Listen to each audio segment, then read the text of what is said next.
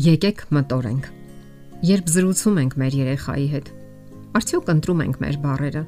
թե ասում ենք այն, ինչ այդ պահին անցնում է մեր մտքով։ Արտաբերում ենք առաջին պատահած բառը։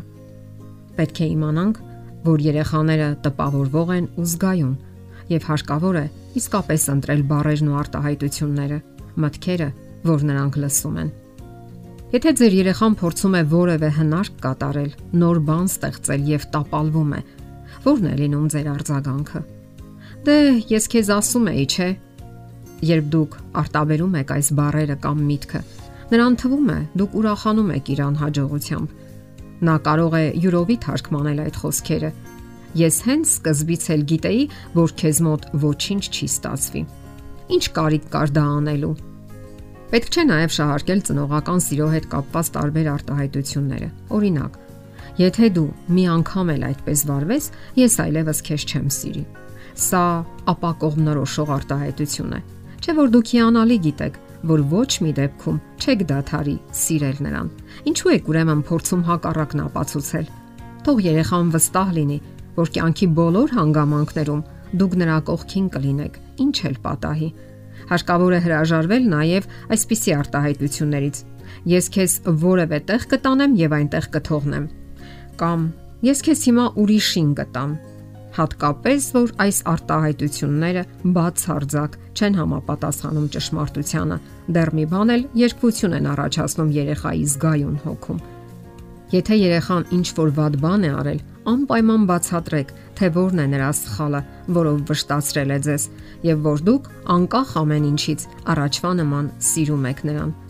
Իսկ զրույցից հետո անպայման գրկեք ու փաղաքշեք նրան։ Այս դեպքում երեխան կհասկանա, որ դուք սատարում եք իրեն եւ այդ պատճառով կձգտի բարելավել իր վարքագիծը։ Հիշեք, որ սերը շահարկումների առարկա չէ։ Պարզաբանենք նաև այսպիսի արտահայտություն, որ շատ են սիրում ասել ծնողները։ Ինչ պետք է դուրս գա քեզանից, չգիտեմ։ Պարզ է, այս արտահայտությամբ մեծահասակը ցանկանում է ուղղել երեխայի վարքագիծը, որն իրեն ինչ որ պատճառներով դուրս չի գալիս։ Սակայն երեխայի ընկալումը տարբերվում է հասուն մարդու ընկալումից։ Նա միանգամայն այլ կերպ է թարգմանում այդ արտահայտությունը, որ դուք այն կարծիքին եք, որ իրենից դուրս է գալու մի իսկական անպետքություն, որը ոչ մի բանի պիտանի չէ եւ միայն խնդիր է դառնալու ծնողների համար։ Ընդ որում, այս խոսքերը ոչինչ էլ չեն փոխելու երեխայի վարքագծի մեջ։ Այս ասելով դուք նաև ցավ եք պատճառում երեխային, որովհետև ձեր կարծիքը շատ կարևոր է նրա համար։ Այս անհաջող արտահայտության փոխարեն ավելի լավ է այլ կերպ շարադրել միտքը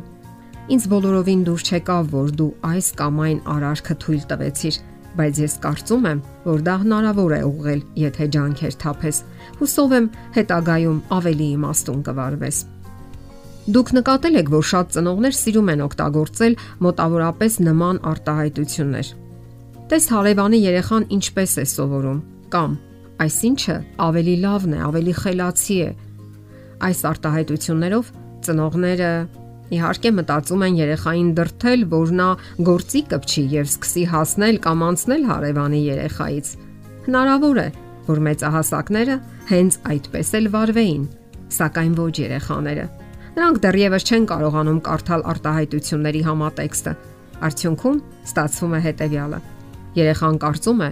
որ ինքը շատ ավելի վատն է, քան իր որևէ հասակակիցը կամ հարևանի տղան Այս առաջին հայացքից հասարակ ու անմեղ թվացող արտահայտությունները կարող են երեխայից խլել իր ուժերի հանդեպ վստահությունը։ Սակայն սա դեռ բոլորը չէ։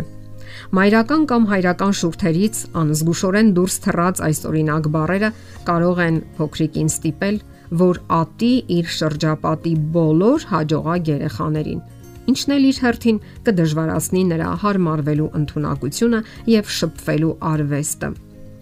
Իսկ փոխելով բարերը, ընտրելով ճիշտ արտահայտությունները, դուք կարող եք հիանալի դասավորել ձեր մտքերը եւ երեխան սխալ հետեւություններ չի անի։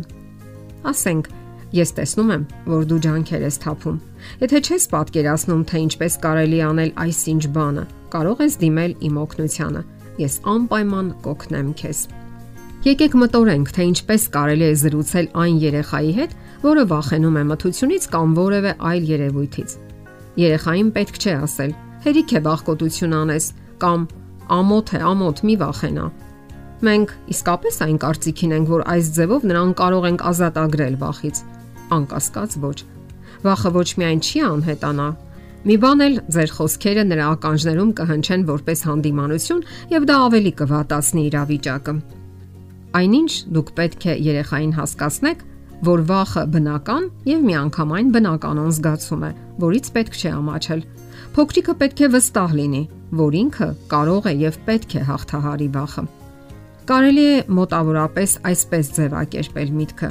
Ես հասկանում եմ քեզ։ Դու վախենում ես եւ դա նոր զգացում է քեզ համար, քանի որ քո պատկերացումները քեզ շրջապատող աշխարհի վերաբերյալ ընդարձակվել են եւ կան բաներ, որոնք դեռևս խորթավոր են թվում քեզ։ Այս դեպքում երեխան զգում է, որ դուք հասկանում եք իրեն եւ պատրաստ եք օգնության ձեռք մեկնել իր համար ցանկացած կարևոր իրադրության մեջ։ Ուրեմն մենք պարտավոր ենք խիստ ուրشادիր լինել մեր բարերին ու մտքերին լինել զգոն մեր լեզվի հանդեպ։ Ինչ բարեր ենք օգտագործում, ինչ արտահայտություններ։ Մենք հաճախ չենք էլ կասկածում, որ մեզ համար սովորական այդ խոսքերով կարող ենք բավականին լրջորեն վնասել երեխային։ Կարող ենք նվազեցնել նրա ինքնագնահատականը, անվստահություն սերմանել իր ուժերի հանդեպ Հոգեբանական այդ վերքերը կարող են մնալ նրա ողջ կյանքում եւ արգելք հանդիսանալ ամեն տեսակի առաջ խաղացման համար։ Ցանկացած տարիքում կարելի է սովորել եւ հմտանալ ցանկացած արվեստում եւ հատկապես խոսքի արվեստում։ Կարևոր է նաեւ իմանալ, ինչն է առաջնայինն ու կարևորը երեխայի համար։ Սովորեք եւ սովորեցրեք։ Նրա լավագույն տարիները հետ չեն գալու։ Այն տարիները, որոնց ընթացքում նա սովորում է եւ հմտանում, եւ նա կյանք է մտնում ձեր տված արժեքներով, ձեր ներշնչած վստահությամբ, ձեր կառուցած ինքնագնահատականով, ձեր ներշնչած խաղաղությամբ։ Դուք նրա համար ամենակարևոր անznավորությունն եք եւ ձեր յուրաքանչյուր խոսքն ու միտքը, յուրաքանչյուր հնչերանգն ու հայացքը ունի շատ կարևոր նշանակություն։ Սովորեք ընտրել լավագույն խոսքերը։ Եթերում ընտանիք հաղորդաշարներ։ Ձեզ հետ է Գեղեցիկ Մարտիրոսյանը։